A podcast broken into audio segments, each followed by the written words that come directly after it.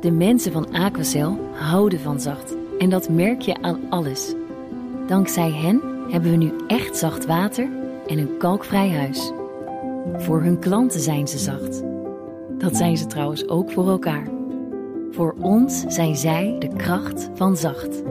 Aquacel. 100% zacht water, 100% kalkvrij dividendbetalingen. Kun je het als beursgenoteerd bedrijf überhaupt nog wel maken om nu dividend uit te keren? Dat en meer komt eh, ter sprake in het beleggerspanel bestaande uit Koen Bender, directeur van Mercurius Vermogensbeheer, en Wim Zwanenburg, beleggingsstratege bij Stroeven Lemberger. Mijn zakenpartner is eh, Wendy van Ierschot, oprichter van V-People en V-Tech Capital. En dames en heren, we hebben geluid en beeld volgens mij, want Koen, op jouw initiatief eh, zitten we ook allemaal aan de Zoom. Is dat jouw nieuwe leven? Nou, het is, eh, we, zoomen veel en het is fijn om elkaar te zien bij dit soort gesprekken. Eh, dat maakt het toch wat uh, interactiever en wat socialer. Dus dat is wel fijn. En, dan zie ik op, op de achtergrond bij jou twee beren met elkaar in gevecht. Dat is dan toch even de winst. Waarom staan er twee beren? Ja, dat is een beeldje. Dat heet de World of Finance. Dat heb ik jaren geleden gekocht gemaakt door een Amerikaan. Dat zijn een boer en een beer die vechten. En dat is een wereldbol die draait. En dat houdt altijd eh, de herinnering dat ongeacht de, de toestanden op de financiële markten, de wereld draait door. Wim, wat zie ik op jouw achtergrond? Helemaal niks. IKEA-kasten, geloof ik. Uh, nou, het zijn hele mooie kantoorkasten. Oh, ik uh, heb uh, de luxe van de kamer voor mij alleen, omdat ik ook wel eens wat schrijven moet. Maar ik heb hier mijn schermen voor me. Ik beschik echt over koersinformatie en, en alles. En we houden dagelijks videoconferences met de collega's die thuiswerken. En we zijn ook in staat om de schermen te delen. De digitale snelweg die raast in hoog tempo. Ja, want ik kan me toch ook voorstellen dat, dat jullie werk, waar je toch ook inderdaad uh, uh, vooral door informatie heel erg op de hoogte moet blijven, schermen moet kunnen delen, alles op de voet moet kunnen volgen, dat dat toch wel een beetje ingewikkelder is geworden, ook al staat de technologie voor helemaal niets, Wim. Nou, we hadden gelukkig al een hele goede infrastructuur. Dus uh, we zijn uitstekend nog in staat om ook uh, onderling met de collega's, maar ook met uh, cliënten te communiceren. ja, en als je in het beursleven, het beleggingsvak actief bent, dan is het eigenlijk al een beetje, ja, ook, ook in de avonturen, dat je thuis vaak de informatie opzoekt en altijd kijkt van hoe Wall Street is gesloten en waar de dollar staat. Ja, dus, volgens mij kun je het juist... digitale leven is niet nieuw. Nee, volgens mij is het juist in jullie vak dat je de productiviteit misschien wel omhoog zou kunnen zien gaan. Hè? Dat je juist, uh, dat hoor je ook veel, dat we door thuiswerken efficiënter worden en effectiever. Uh, nou, je, je, ziet nu dat uh, bepaalde beursgenoteerde ondernemingen ook uh, extra profiteren. Gisteren waren de berichten bijvoorbeeld van Microsoft, die hebben Teams. We hebben net over Zoom uh, gesproken. Maar er zijn veel meer onderlinge chatmogelijkheden en, en zeg maar digitale kamers. En je ziet dat al die ondernemingen nu enorm ja, omzet zien toenemen. En ook bijvoorbeeld de datacenters. Een van de topics in onze eigen selectie is een onderneming die beursgenoteerd is en die op die EMS Exchange lijkt. Het uh, fonds heet uh, Equinix en uh, dat doet het erg goed. Juist ook in deze tijden. Ik wil naar deze tijden. Ik ben op de site geweest van Stroeve Lemberger. Ga ik vaker doen. Maar daar kwam ik een blog tegen. Ik weet niet of jij de auteur was, maar ik vond de titel wel prikkelend. Er staat namelijk gestoorde markt of marktverstoring. Is dat jouw werk of niet? Ja, ja, eh, ik ben inderdaad eh, de auteur. Oh. Uh, waar het op duidt is dat er in technisch jargon gesproken veel dislocaties, onevenwichtigheden zijn, marktverstoringen. Normaal gesproken is dat het vraag en aanbod, maar het is eigenlijk de marginale vraag en aanbod.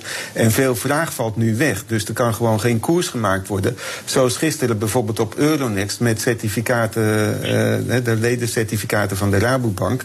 Het zijn eigenlijk geen ledencertificaten meer, maar gewoon min of meer beursgenoteerde aandelen. Alleen buiten de beurs om kon handel uh, worden gemaakt. En je ziet gewoon dat die volumes die komen niet bij elkaar. En dat leidt tot enorme koers- en prijsverstoringen. En dat schept ook wel uh, kansen. in dit soort markten moet je eigenlijk voorkomen dat je gedwongen moet verkopen. Je moet je beleggingsplan over de lange termijn hebben opgemaakt. En eigenlijk moet je deze griepgolf uh, ja, kunnen uitzitten. Ja, maar dan gaat het over de lange termijn waar jij op uh, duidt. Er zijn ook heel veel mensen, en dat is ook op deze zender wel toegelicht, die dit zien als het moment om te beginnen. Hè? Want je zit op een dieptepunt, de komende tijd kan het alleen maar omhoog gaan. Koen, is dat uh, naast misschien wel een logische reflex ook een goed idee? Ja, dat denk ik wel. we weten niet. de grote onzekerheid is hoe lang het duurt. En, en, natuurlijk heeft de duur invloed op de lengte van het herstel en de, en de impact. Maar over het algemeen kun je zeggen dat we in maart een periode gehad hebben waarin ongeacht de kwaliteit van de aandelen werd er verkocht. En dat biedt een kans. En wat je nu gaat zien is dat er, Wim haalde het net al even aan, eh, datacenters en Microsoft. Het gaat een discriminerend herstel zijn in de markt. Uh, we gaan zien dat sommige bedrijven hier en sommige sectoren hier ontzettend van profiteren. En anderen zullen het heel moeilijk hebben en achterblijven. Zoals uh, banken die dus de zoveelste vorm van tegenwind hebben. Olie. Mogen geen dividend hebben. Oliebedrijven gaan het heel erg lastig hebben. Alles wat met massa verplaatsingen van mensen te maken heeft, uh, gaat de komende periode het heel zwaar hebben. Dat neemt niet weg dat er ook heel veel sectoren zijn die gewoon gigantisch kunnen profiteren. Wat we nu zien is dat bijvoorbeeld het hele middenwesten van Amerika, daar piept en kraakt het internet nu al. Dus wat je dadelijk, als het herstel er is, dan zullen daar ongetwijfeld heel veel investeringen komen in de, de data-infrastructuur. Uh, een andere manier van werken zal ook maar, zijn. Maar dit, dit, dit, zien natuurlijk heel veel mensen, denk ik. Hè, als je dan ergens je geld in moet stoppen, stop het dan daarin. Daar ben je niet uniek in, of, of maakt dat niet uit? Nou ja, we, zien, we komen toch nog wel ontzettend veel partijen tegen. Uh, mensen tegen die zeggen: ja, mijn vermogensbeheerder zegt dat ik uh, koninklijke olie maar gewoon moet blijven, kopen. En dat ik uh, nog maar weer wat extra ING moet kopen op deze lage niveaus. Ja, dan zeggen we van goh, uiteindelijk Kijk, geld is werkkapitaal. Dat, moet je, dat kun je maar één keer investeren. Dat moet je investeren op die plekken waar het het meeste kans op een, op een goed rendement heeft. En wij zien het voorlopig niet in de financiële sector. Uh, en wel op andere plekken. En, en, ja, de beur, ik hoor eigenlijk twee verhalen in de markt. Aan de ene kant uh, zijn er ervaringen dat het eigenlijk bij de lokale winkels nog best wel goed gaat. En dat er ook mensen zijn die zeggen we moeten juist door blijven besteden. We horen, we horen nu overal dat het rampzalig is, maar dat is eigenlijk vooral in de, in de industrie die gesloten worden. En aan de andere kant, als je naar Amerika kijkt, zijn er natuurlijk waanzinnige werkloosheidscijfers. En heb ik het gevoel van we zijn er nog lang niet. We kunnen nog rustig nog een stuk naar beneden met de beurs. Omdat we uh, alleen maar nu op het virus letten en niet zozeer op de economische gevolgen van het virus. Dus daar ben ik benieuwd naar jullie. Van wie wil je het antwoord hebben? Dat luistert in deze situatie heel nauw. Misschien wel van, eh, van de een en dan de ander. Als hij het oh. er niet mee eens is, dat hij dan ook iets. Dan beginnen we bij Wim. Nou, ik wil er graag op inspringen. Uh, ja, je kan absoluut nog niet zeggen dat we de bodem hebben gezien. Het kwartaalseizoen wat er straks aan gaat komen, dat zal natuurlijk rampzalige berichten uh, gaan uh, vertonen. En dat zal in het tweede kwartaal echter uh, ook nog erger worden. maar als je zegt voor de lange termijn is dit toch een instapmogelijkheid, dan zou je kunnen zeggen van ik ga het gefaseerd doen om de zoveel weken of om de zoveel maanden. Of dat je zegt van ik ga het op uh, koers dips doen, steeds als de beurs na een schrikreactie 10% lager staat of bepaalde aandelen die je op het, uh, op het oog hebt. Uh, je moet natuurlijk wel even kijken, kijken of een business model echt ook sustainable, duurzaam is. Hè. Is, het, is de onderneming levensvatbaar, ook op de wat langere termijn. Maar wat we afgelopen maanden, afgelopen weken hebben gezien, is natuurlijk dat alles aan de kant werd gegooid. En niet alleen in de aandelenmarkt, maar ook bijvoorbeeld in de bedrijfsobligatiemarkt. Daar werden echt geen reële prijzen gemaakt. En daar kunnen beleggers voor de langere termijn, en dat kan ook al voor de komend half jaar of voor het komend jaar zijn, kunnen daarvan profiteren. Maar ga niet beleggen met geleend geld, zodat je een, zeg maar, tot een verplichte uh, verkoop wordt gedwongen of moet bijstorten. Ja, nou ja, ik ben het uh, uh, helemaal eens met, uh, met Wim. We hebben begin maart, eind februari onze relatie ook gebeld. Is de komende anderhalf jaar dat wat je aan cash nodig hebt, laten we dat eruit halen. Maar voor de rest moet je gewoon de tijd hebben om dit uit te, te, te zieken. op het moment dat je verkoopt, heb je ook het risico dat je er weer in moet en misschien dan de boot mist. De markt wij zitten altijd in het eerste karretje van de achtbaan. We gaan als eerste omlaag. We maken het als eerste een hele onverwachte draai. En vervolgens gaan we ook als eerste weer omhoog. En of we de bodem al gehad hebben, je moet nu bereid zijn om misschien nog 10% eh, min te zien. Dat zou kunnen. Uh, dus gefaseerd instappen, ja, dat is een strategie die wij ook uh, uh, volgen. Maar we hebben het, Koen, we hebben het vaak ook gehad over Tina. Hè? There's no alternative. Je moet iets met je geld, dus dan kom je heel snel op de beurs uit. Geldt dat nog steeds? Of zullen er toch ook heel veel mensen zijn die nu zeggen: ja, het rendement is nul, maar ik hou toch maar op de bank voor de zekerheid? Nou ja, weet je, dat, dat maakt ook ontzettend uit van je, uh, van je situatie. Uh, als je een onderneming hebt waarbij je uh, hele grote verplichtingen hebt en je omzet valt weg, ja, dan moet je het gewoon cash houden, omdat als je het nodig hebt voor je onderneming, ja. ja dat is gewoon evident. en je moet het nooit met je, met je laatste geld doen, nooit, zoals Wim terecht zegt, niet met geleend geld. Je moet geen verplichtingen hebben om nu wat met, anders met dat geld te doen. Maar dan nog steeds is dit wel een moment waarop je kan zeggen: van ja, twee jaar verder, naar alle waarschijnlijkheid zien we dit dan als een heel mooi moment waarop je had kunnen instappen. Zoals maar, maar Wim, even, want ik ben benieuwd naar, naar de praktijk van, van, uh, van vandaag. Hè. Er zullen mensen zijn die inderdaad zien dat het uh, eigenlijk alleen nog maar omhoog kan gaan. Dus dat dit een heel goed moment is om groots in te stappen. Uh, zeg jij dan ook van, nou, pas op de plaats, doe dat nou niet? Want dat, dat lijkt me best wel moeilijk.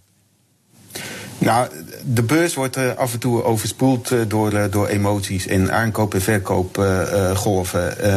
en ja, ik zou daar toch voorzichtig mee zijn. Maar om gefaseerd in te stappen en om deze mogelijkheden ook aan te grijpen, dat, dat is, is nog steeds goed. we hebben natuurlijk ook klanten die er al voor heel lang in zitten. En die zien dan even hun vermogen onder, onder druk staan. de schommelingen zijn enorm geweest. En ja, daar zeggen we ook van, ja, als je zou willen uitstappen, wanneer zou je er überhaupt weer in uh, willen? Hou vast aan je lange termijn uh, doelstellingen. En veel uh, cliënten die wij hebben, die we al veel langer hebben, die hebben natuurlijk vaker beursschommelingen beleefd. En ook na Nou, die moeten dan wel behoorlijk terug, toch inmiddels? gekomen ja, okay, in 2019. Maar, maar, maar, er zijn dus er zijn hele generaties nu, oh, beursgeneraties duren misschien niet heel lang, maar die dit toch voor het eerst zo meemaken. Uh, Jazeker, nou ja, dan heb je het natuurlijk toch uh, over, over de nieuwe eh, beleggers, uh, de, de categorie uh, retailbeleggers. nou, dus zou ik zeggen, kijk wat je beleggingshorizon ook is. Hè, en die eindigt niet op je 65ste of 67ste. Als we een gemiddelde levensduur hebben, zelfs met deze griepgolven, die hoog in de 80 eindigt, dan is je beleggingshorizon eigenlijk wel al snel 30, 40 jaar. En dan zou ik zeggen, dan is dit een geweldige kans om in te stappen. Ja, ik hoor juist ook van veel van mijn maatjes die zeggen... je kunt nu echt gewoon heel helder speculeren... op een nog naar beneden gaandere beurs. Omdat we weten dat we de dip nog niet hebben gehad. In de reële economie kan het eigenlijk alleen nog maar uh, naar beneden, Koen. Dus die beursdip die komt er ook nog aan. Nou ja, dat kan als. Eh, kijk, we hebben nu rekening gehouden met een aantal hele heftige scenario's. Dat was die, die val van uh, halverwege februari tot, uh, tot, tot half maart. En daarin zitten bedrijfscijfers gaan heel slecht worden.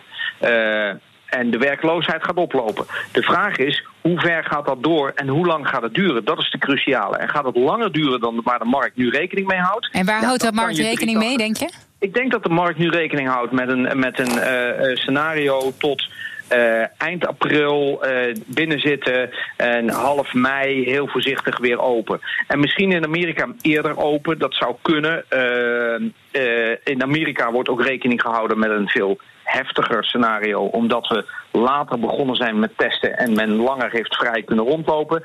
Maar we plotten nu een beetje op het verhaal van China. En waar we het eerder al over hadden, ja, China lijkt naar een V-shape te gaan. Nu, vooralsnog.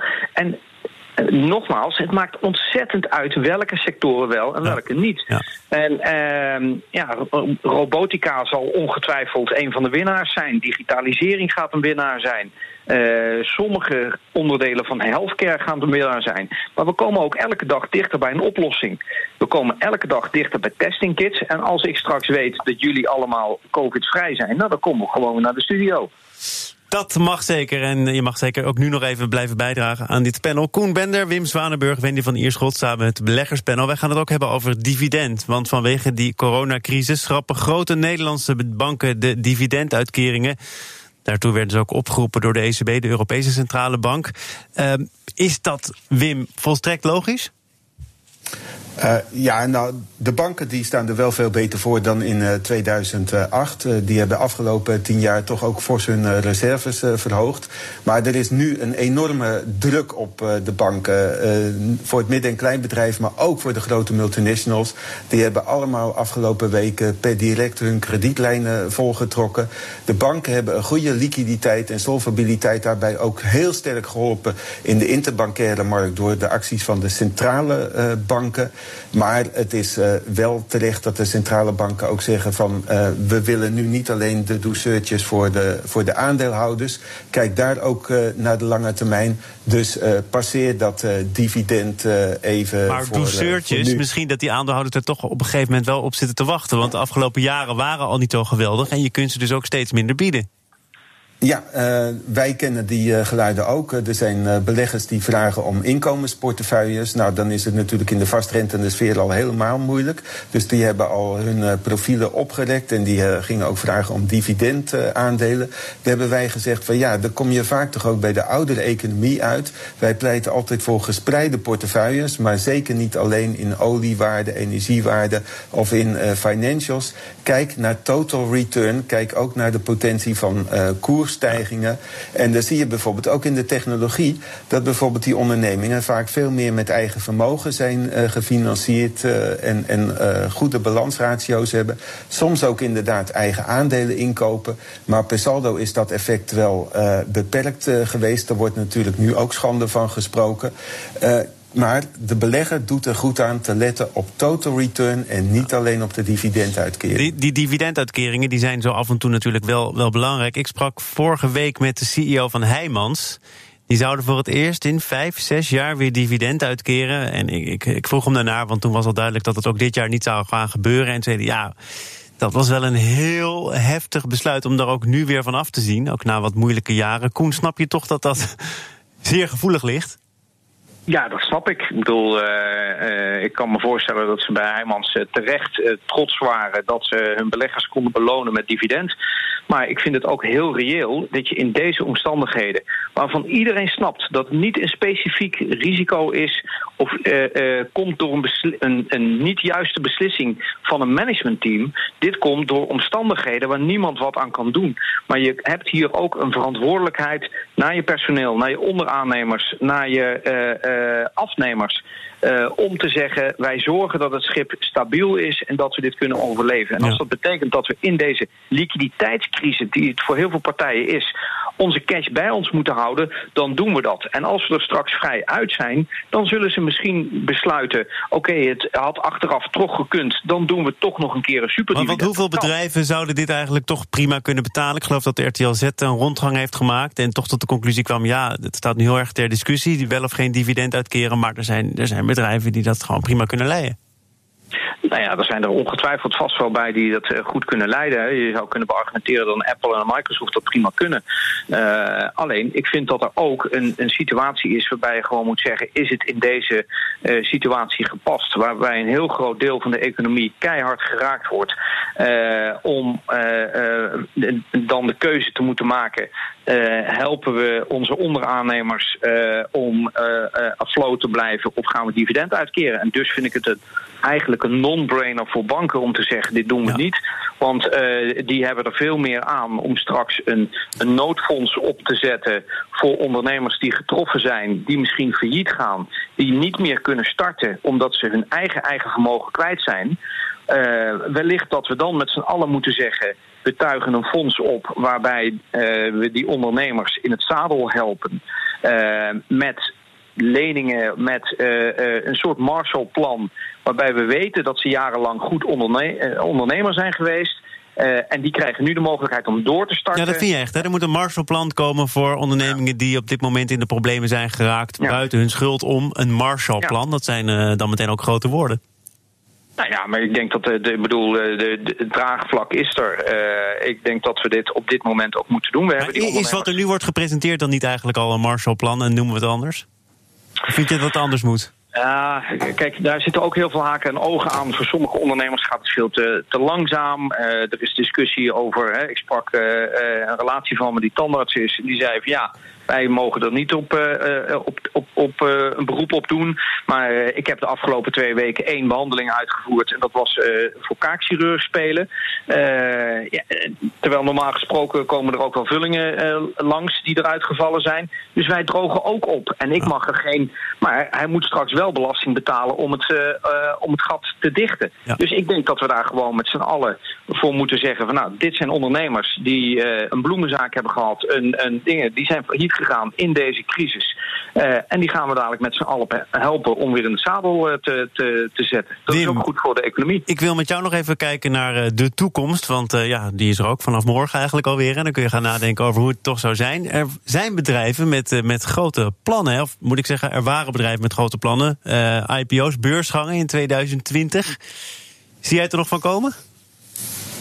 Nou, dat is nu wel heel erg uh, ongunstig. Uh, uh, ze stellen het meestal toch wel uit. Het gaat niet definitief de kast in. je wilt toch ook een bepaalde opbrengst. In sommige gevallen is een beursgang zeg maar een, een, een, een cashje voor de aandeelhouders. Ja. Maar soms is het ook een genereren van een kapitaal voor nieuwe investeringen. En vooral in het, in het laatste geval is het eigenlijk zonde om op ja, lage koersen. Men moet een soort evenwicht. Ik denk dat het verstandig is. Als je nu geld nodig hebt, hè, want dat is ook soms de reden om naar de beurs te gaan. Ja, maar dat is, dat is zo uh, grillig, dat, uh, dat hangt van, uh, van, van de dag af. meestal is het goed in een gestaag, langzaam stijgende beurs naar de beurs te gaan of je onderneming naar de, naar de beurs te brengen. Ik denk dat de markten nu te grillig zijn. En dat bovendien ook beleggers, die, die moeten enigszins wennen aan een onderneming. Je moet bij een beursgang ook uitgebreide roadshow, informatie. nou ja, daar is fysiek contact voor nodig tot voor kort fysiek contact, maar er kan natuurlijk wat dat betreft ook echt heel veel uh, per, per internet en, uh, en, en, digitaal. maar dan nog, je hebt heel veel informatie over te dragen aan toekomstige beleggers. Wat ik trouwens nog wel wil zeggen, los van, van, van de IPO's, dat bij de kwartaalberichten ondernemingen toch wel zeg maar ook uitleg geven over hun business model. Ze hoeven niet direct hele zeg maar specifieke prognoses af te geven. De omstandigheden zijn onzeker. Maar dat ze toch wel uh, uitleg geven aan beleggers, daar zou ik toch zeker voor willen Tom Tom heeft het niet gedaan, hè? Volgens mij is vandaag een bedrijf zonder echt uh, concrete prognose. Ja, heel veel bedrijven. Je ziet bijvoorbeeld L'Oréal, die trekken ook eerdere prognoses uh, in, uh, van, van hoog tot laag, internationaal. Maar leg je business model uit. Dat zou ik. Uh, zo moeilijk is het toch niet als je L'Oréal of TomTom bent? Dat businessmodel, dat kennen we toch wel? Nou, geef ook aan hè, waar uh, specifieke uh, groei zit, waar we even een kloof moeten overbruggen. wat dat betreft mag je ook je aandeelhouders bemoedigen en, en voorlichten. Ja, en je kan nu misschien ook op een trend die je juist nu ziet ontstaan, weer je businessmodel een beetje aanpassen. Hè? Dus dat zou je eigenlijk willen, dat nou, mensen met een visie naar buiten komen. Ondernemers. dat vind ik wel grappig. Laat worden, Koen de, de een na de andere nu ventilatoren gaat, uh, gaat uh, produceren. Je, uh, ik denk dat we, als we dit tempo doorgaan, hebben we eind, eind april genoeg ventilatoren voor het komende decennium. Dus wees daar ook niet te snel in. En zorg dat je focus houdt en heel belangrijk inderdaad blijf communiceren. Ook met die relaties die pas kort aan het beleggen zijn. Juist nu bij de hand nemen, vertellen: dit gebeurt er, dit kan gebeuren. We hebben er vertrouwen in. We zitten niet in ground zero bedrijven. Koen, en Wim, het was genoeg om met jullie te communiceren. Koen Bender en Wim Zwanenburg. Ik klap nu de laptop dicht, meteen. Fijn dat jullie er waren. En geldt ook voor mijn zakenpartner Wendy van Ierschot, oprichter van V-People en V-Tech Capital. Dit was het voor vandaag. Morgen dan is Bero Beijer te gast. Hij is de voorzitter van het Filmfonds. Ook voor hem, denk ik, bijzondere tijd om door te komen. Morgen dus meer daarover. Zometeen eerst Nieuwsroom, onze dagelijkse podcast van het FD en BNR. Gepresenteerd door Mark Beekhuis. Veel plezier en tot morgen. De mensen van Aquacel houden van zacht. En dat merk je aan alles. Dankzij hen hebben we nu echt zacht water en een kalkvrij huis. Voor hun klanten zijn ze zacht. Dat zijn ze trouwens ook voor elkaar. Voor ons zijn zij de kracht van zacht. Aquacel. 100% zacht water, 100% kalkvrij.